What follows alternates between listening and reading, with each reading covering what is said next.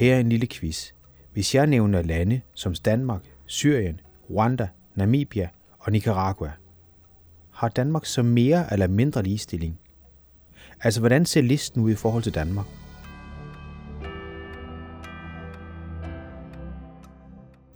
Inden vi kommer med resultatet, her er en lille, men sand historie, der ellers lyder som lidt af et eventyr.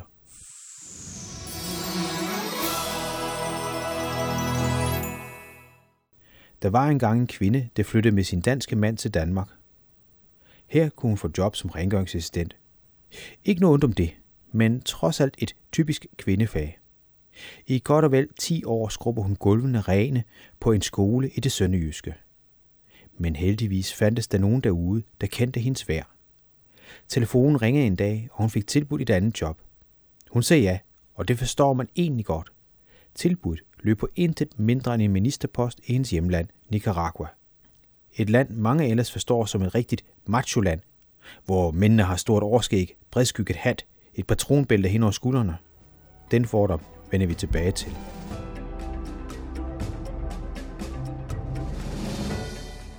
Præsident Daniel Ortega vil gerne have hende med på holdet. Det kom hun, og hun blev boligminister. I dag er hun med i Nicaraguas øverste valgråd. Det lyder helt skørt i danske ører, at en rengøringsassistent kan få sådan en magtfuld post, men Judith D. Jensen, som hun hedder, havde inden hun kom til Danmark en masse høje stillinger. Men herhjem var man altså især glad for hendes evner inden for rengøring. Så måske er Danmark ikke så nem at komme til tops i, hvis man er kvinde. Eller endnu værre, udlandsk kvinde. Er vi så gode til ligestilling, som mange af os går og tror? Findes der øvrigt tal på det?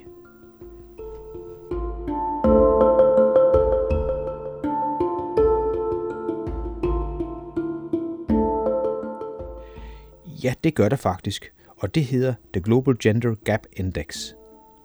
Og så er vi tilbage ved vores quiz. Danmark ligger på den 14. plads. Nicaragua ligger faktisk på den 5. plads, lige efter Island, Norge, Finland og Sverige. På listen foran Danmark finder vi også lande som Rwanda, Namibia og Costa Rica. I bunden finder vi lande som Syrien, Pakistan, Irak og Yemen til allersidst. Så ja, vi er bedre end Yemen. Langt bedre. Men vi er langt fra lige så gode til ligestilling som vores skandinaviske nabolande. Selv et land som Spanien ligger langt foran os.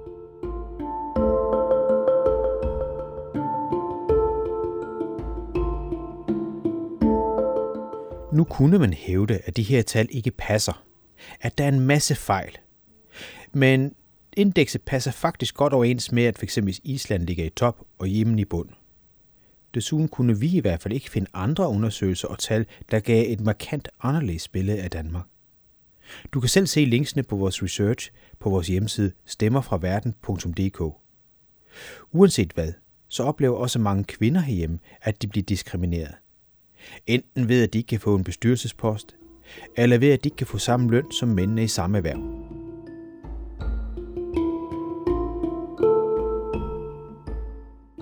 Det er dog ikke kun kvinderne, der bliver trådt under fod, som det så smukt hedder, men også mænd. I jordmorfaget ønsker lederen af uddannelsen ikke mænd på studiet. Hvad skulle de her, spørges der retorisk. Jo, til det kunne man jo svare, at det er underligt, at mænd godt kan blive dygtige fødselslæger, gynekologer, men altså ikke jordmøder. Spørgsmålet er så, hvad det gør sig hjemme og i andre lande. Et af de ting, der trækker Danmark i den forkerte retning i statistikkerne, er, at der ikke er så mange kvindelige topchefer og bestyrelsesmedlemmer. Det gælder dog ikke kun i Danmark, og EU-kommissionen lancerede på baggrund af deres tal en ny politik i 2016, de kaldte Breaking the Glass Ceiling, altså bryde gennem glasloftet. Selvom Danmark ikke er alene, så er det dog det land i Norge med færrest kvindelige ledere. OECD's tal viser endda, at Danmark ligger under middel i blandt OECD's mange lande. Så der er grund til at se kvinder som en slags minoritet, selvom de fylder halvdelen af befolkningen. Men hvad skyldes det? Og hvad kan vi selv gøre? Til at finde ud af det har vi sat en kvindelig direktør i stævne. Vi fanger hende lige efter et af hendes mange foredrag om ligestilling. Men vi lader hende lige præsentere sig selv her. Jeg hedder Lene Stavngård, og jeg er øh, forperson i Sex og Samfund. Men du er også direktør? Jeg er også direktør. Jeg er direktør i Askofonden KBH+, som er en afdeling, der arbejder med unge på kanten af samfundet. Jeg kan forstå, at øh, kvinder har svært med at komme i bestyrelsesposter på de rigtig tunge bestyrelsesposter, hvis vi kigger på, på erhvervslivet, altså op i toppen. Øh, og det bliver faktisk heller ikke bedre, når vi kigger på mellemlaget eller i bunden. Nu er du direktør. Men hvad skal det i grunden til for, at man kan blive direktør? Jamen, der skal helt sikkert øh, et gå på mod til, hvor at du som kvinde egentlig er ligeglad, hvad andre tænker om dig. Og så bliver jeg nødt til at sige, at du skal også arbejde dobbelt så hårdt. Fordi på vejen op til, og uanset om det er direktør eller bestyrelsesposter, eller hvor det er, du er på vej hen, så vil du blive overhældt af mænd, som er dårligere, eller har, altså ikke har de samme erfaring eller kompetencer, som du har. Findes der nogle særlige kvindelige kompetencer? Nej, det mener jeg ikke. Jeg mener jo ikke, at mænd og kvinder er så forskellige. Selvfølgelig er vi socialiseret meget forskellige, men hvis vi snakker om mandlige og kvindelige kompetencer, så taler vi jo ofte om kompetencer, som enten er blevet kategoriseret som maskuline eller feminine kompetencer. Jeg har da selv oplevet undervejs mange gange, at øh, ja, nogen har sagt til mig, du vil gerne være en mand. Vil du ikke? Hvordan tager du det? Jeg tror, første gang, jeg oplevede en øh, sige det til mig, det var en, en kæreste. Og øh, der, der tog jeg det ret tungt. Der tænkte jeg, ja, det synes jeg var noget mærkeligt noget at sige, fordi det synes jeg også var sådan helt fejltolket. Jeg havde aldrig ønsket at, at være en mand, men jeg har da helt sikkert ønsket at få de mandlige privilegier. Så det havde han jo ret i. Og øh, jeg tænker tit det der med, at man bliver dømt hårdere som kvinde, hvis du udviser kompetencer eller personlighedstræk, som man klassisk anser som maskuline øh, kvaliteter. Så som? Jamen så som, at øh, ikke at være bange for at sige det, man gerne vil, altså det, man gerne vil have. Jeg tænker også øh, på det personlige plan, kunne det jo for eksempel også være sådan noget med at sige, at man har lyst til sex, eller man øh, har en åben seksualitet. Det vil være noget, som egentlig er for ondt mænd, og hvis man gør det som kvinde, så har det ret hårde sociale konsekvenser. Ja, hvis man sex, så er man jo, altså pigerne de er jo så let på tråden, og de bliver kaldt for luder, hvis de har mange mænd, mens mændene de er dygtige ved at score. Ja, de har jo udvist den korrekte kønsbekræftende adfærd, så det var flot, og hvis du som kvinde er åben omkring din seksualitet, så, øh, ja, så kan du blive kaldt luder eller noget andet. Altså det, det, det er jo det største problem ved det er jo også, at hvis du gerne vil være øh, direktør frem i livet, så skal du jo balancere på den der knivsæg mellem at udvise nogle klassisk maskuline kompetencer indimellem. Det vil sige, nu simplificerer jeg det også og laver det meget sort-hvidt. Men du må så til gengæld ikke gøre det for eksempel på seksualitetens område. Så, vil det, så bliver du set som useriøs og uprofessionel og jeg, siger, jeg tænker jo også, øh, at det ikke er spørg- spørgsmål om rollemodeller i virkeligheden, at samfundet ikke har fået øje på, at de faktisk også kan det her. Jeg ved jo, altså inden for lægevidenskaben, så er det jo primært kvinder nu, øh, der kommer ind. Det er jo tidligere, tidligere meget maskulin område. Øh, matematik, der er jo også kvinder nu. Det er jo tidligere, var det jo helt uhørt, at kvinder har ikke forstand på matematik og penge osv. Så, videre. så er det ikke et spørgsmål om rollemodeller i virkeligheden? Det er også et spørgsmål om rollemodeller. Jo, det tænker jeg. Det, det, det kræver jo noget, at der er nogen, der tør sig stille sig frem. Ikke? Jeg tror også for eksempel sådan en som... Øh, twerk queen Louise. Hun får meget øh, shitstorm, og hun får rigtig meget kritik, men øh, hun har også banet en vej for en masse unge kvinder, som har lyst til at gøre det, hun gør. En ting er jo det danske samfund, hvis, hvis rollemodeller virkelig er et, et, et, en ting, som, som man skal indføre. Vi så ser på de amerikanske film, som vi jo efterhånden ser mere og mere af. Det er ked af at skulle sige det, men alle, alle helte de er sat mænd, og, og kvinderne falder svim, når manden løser opgaven. Er det ikke lidt op ad bakke i den her sammenhæng også? Det er super op ad bakke, men jeg vil så sige, jeg synes, det er blevet bedre. Altså, vi har jo Mother of Dragons i Game of Thrones, og øh, der, er, der, er, der kommer flere gode eksempler, og man kan også se, at det er jo det, som folket gerne vil. Det er, at der, det har tit en stor... Øh, jeg, jeg vil sige, jeg synes, at det, det sniger sig mere og mere ind i populærkulturen at få mere repræsentation. En af måderne, som det vi til at tale om, det var jo for kvoter. Hvordan har du det med det? Jamen, altså, jeg er kvotekongen. Jeg tænker, at kvoter er en super god ting til at ændre på en magtbalance, som ikke er sket af sig selv. Det har man jo gjort i Norge. Der kalder man jo så for de gyldne håndtasker, fordi de er samme kvinder, som så bare indgår i rigtig mange roller. Der er faktisk ikke kommet ret mange flere kvinder ind i bestyrelser. Der er bare altså, procentvis flere kvinder i. Det er bare de samme, der går igen. Øh, det virker jo ikke til at være sådan helt vejen. Nej, det er måske ikke hele vejen, og der, der kan man tænke, det er måske en ommer, og alligevel så er det jo interessant, at det kigger man på for kvinderne, fordi man har puttet kvoter ind, men lur mig ikke, om der er mange af de samme mænd, der også går igen, der sidder på magteliten, og det har vi ikke kritiseret endnu. Øh, når vi så snakker om kvoter, hvor lang tid skal de så blive ved? Fordi på et tidspunkt så bliver der vel også en sovepude for kvinder, at det, øh, at det må så sige er lovbestemt. Og er der ikke også noget psykologi i, jeg er kommet ind, fordi der er en kvote? Nej, det, det tror jeg faktisk ikke på. Og igen, altså samme argument som før, at hvis øh, vi, vi siger jo ikke det samme for mænd. Altså lige nu sidder mænd på magten, at, at altså, vi, vi beskylder ikke det for at være sovepude, selvom at det er det formentlig også indimellem. Men jeg tænker, at der er brug for kvoter, så længe at magten ikke er fordelt ligeligt. Og det er jo ikke kun kvinder. Jeg synes også godt, man kunne lave kvoter for andre ting. Alder. Ja, hudfarve, kompetencer, køn og øh, handicap, tænker jeg også er vigtigt.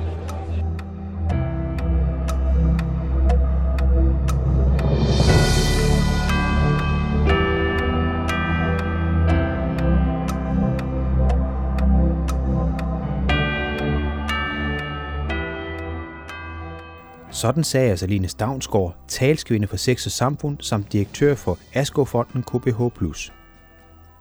Det er selvfølgelig hende også en global kamp, når det fx gælder rollemodeller. Og de kommer ikke af sig selv. Kvoter er vejen frem. Hun fortæller, at kvoterne ligefrem er nødvendige. De er ifølge Line Stavnsgaard ikke kun et brugbart redskab, når det gælder kampen imod kønsdiskriminering, men også når det fx gælder alder eller hudfarve. Hun er ikke den eneste, der får et øje på kvoterne som et brugbart redskab.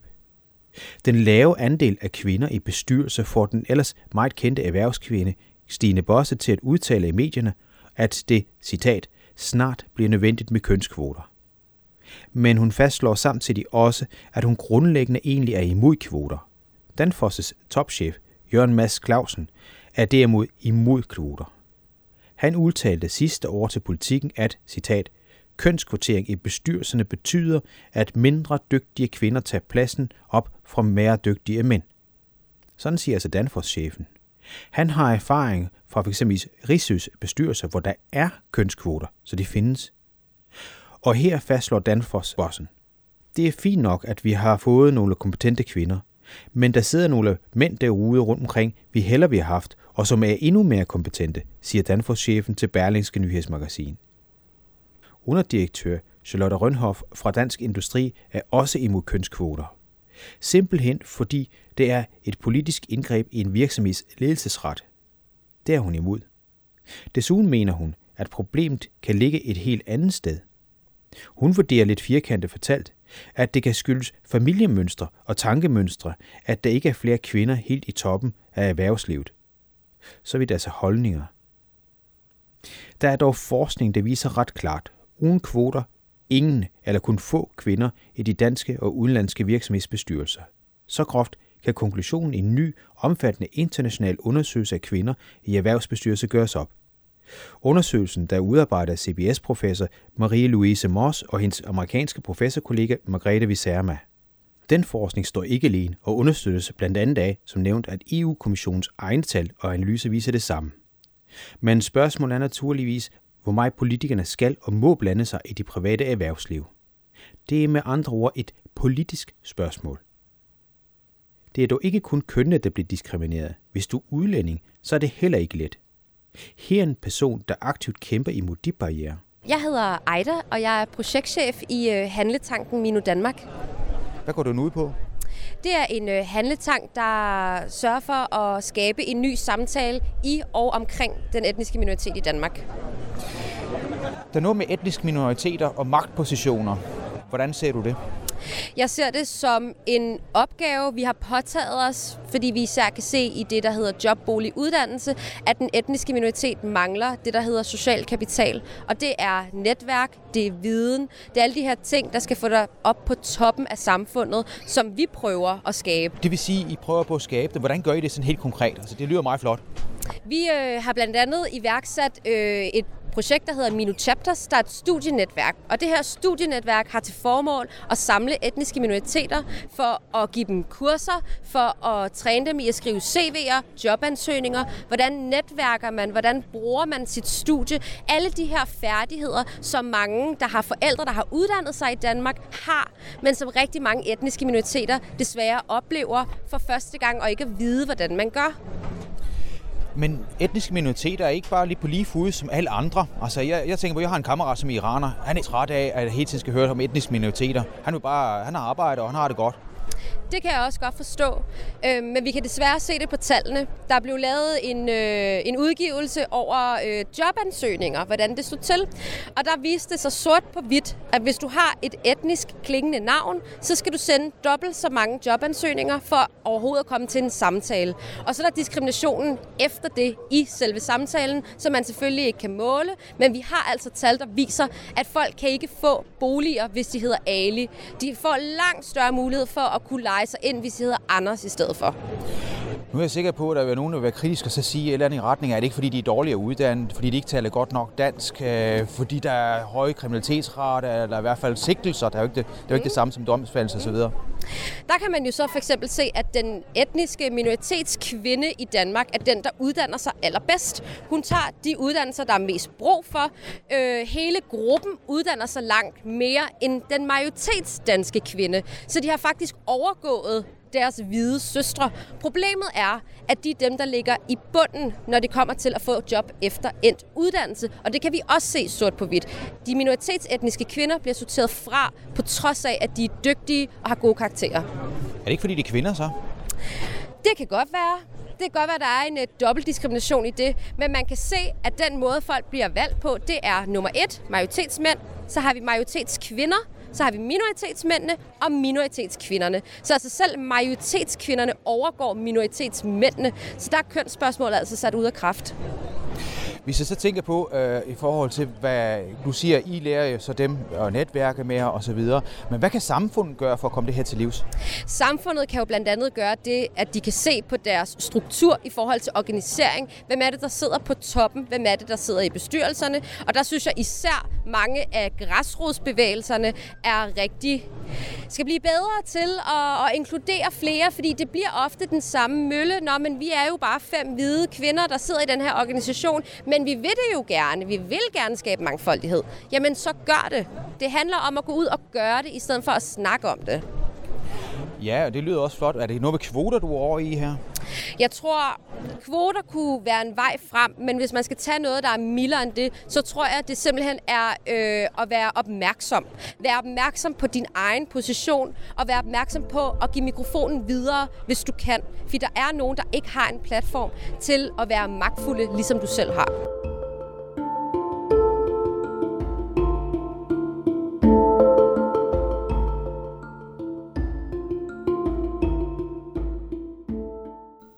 Sådan sagde altså Aida Amari blandt andet om kvoter til kvinder og etniske minoriteter fra Mino Danmark.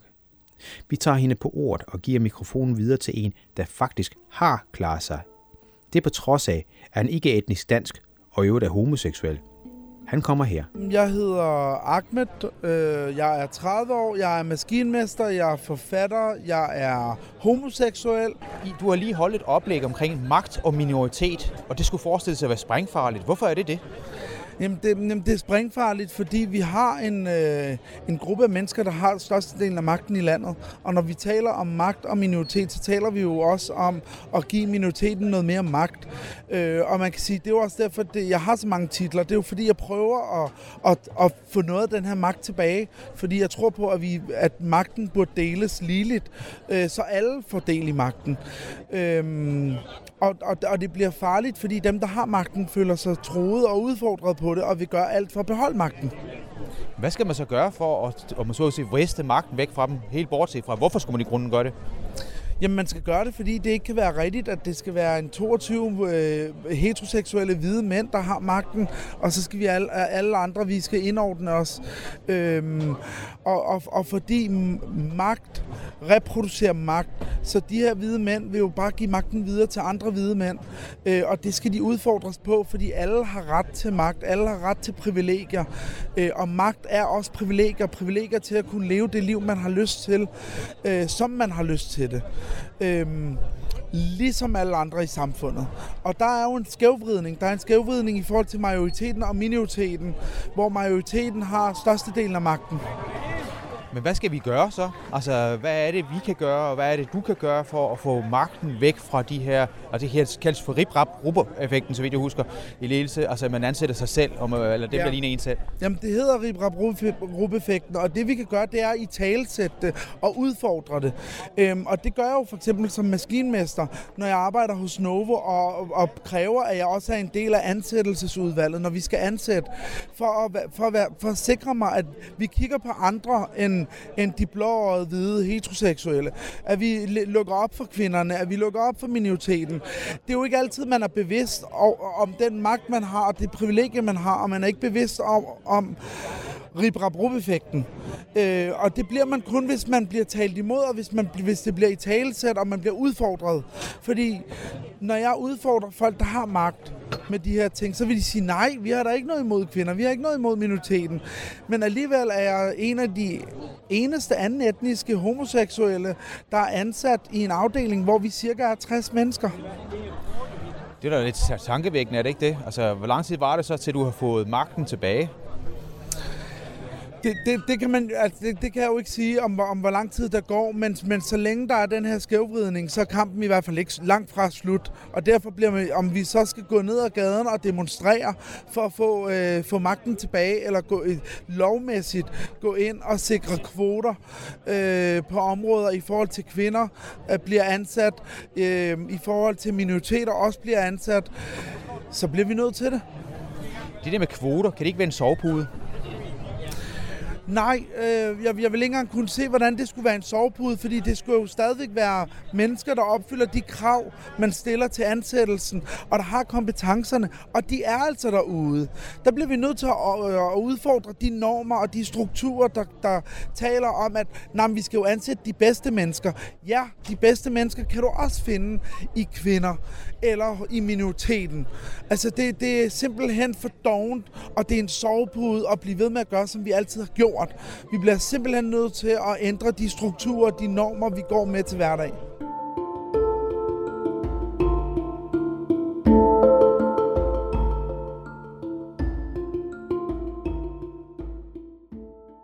Sådan sagde altså Ahmad Mahmoud. Uover kvoter, så nævner han, at der skal ændre tankemønster til – det samme siger en lang række rapporter fra blandt andet EU og FN. Ikke kun når det gælder Danmark, for mønstrene er de samme overalt. Undertrykkelse finder vi også i hele verden. Som du kan høre i nogle af vores andre udsendelser og podcasts, endda så meget, at det kan koste rigtig mange menneskeliv. Et af Ahmads store pointe i mange af hans foredrag er, at den enkelte selv skal prøve at gøre noget. Altså prøve at bryde igennem de mønstre, der findes, selv gribe de chancer, der måske ikke lige lå til højre benet. For at kunne gøre det, så kræver det dog, at man skal se mønstrene. Her hjælper statistikker, som dem vi lagde ud med i begyndelsen af udsendelsen. Vi kan øve tilføje, at vi nu er rykket en plads nedad, altså det går den forkerte vej, mens landet Costa Rica er rykket hele ni pladser op og nu ligger foran os.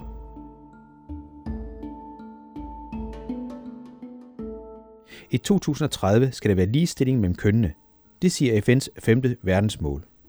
Men i det nuværende tempo vil det gå mindst 100 år, indtil der er økonomisk ligestilling. Det viser en helt ny rapport.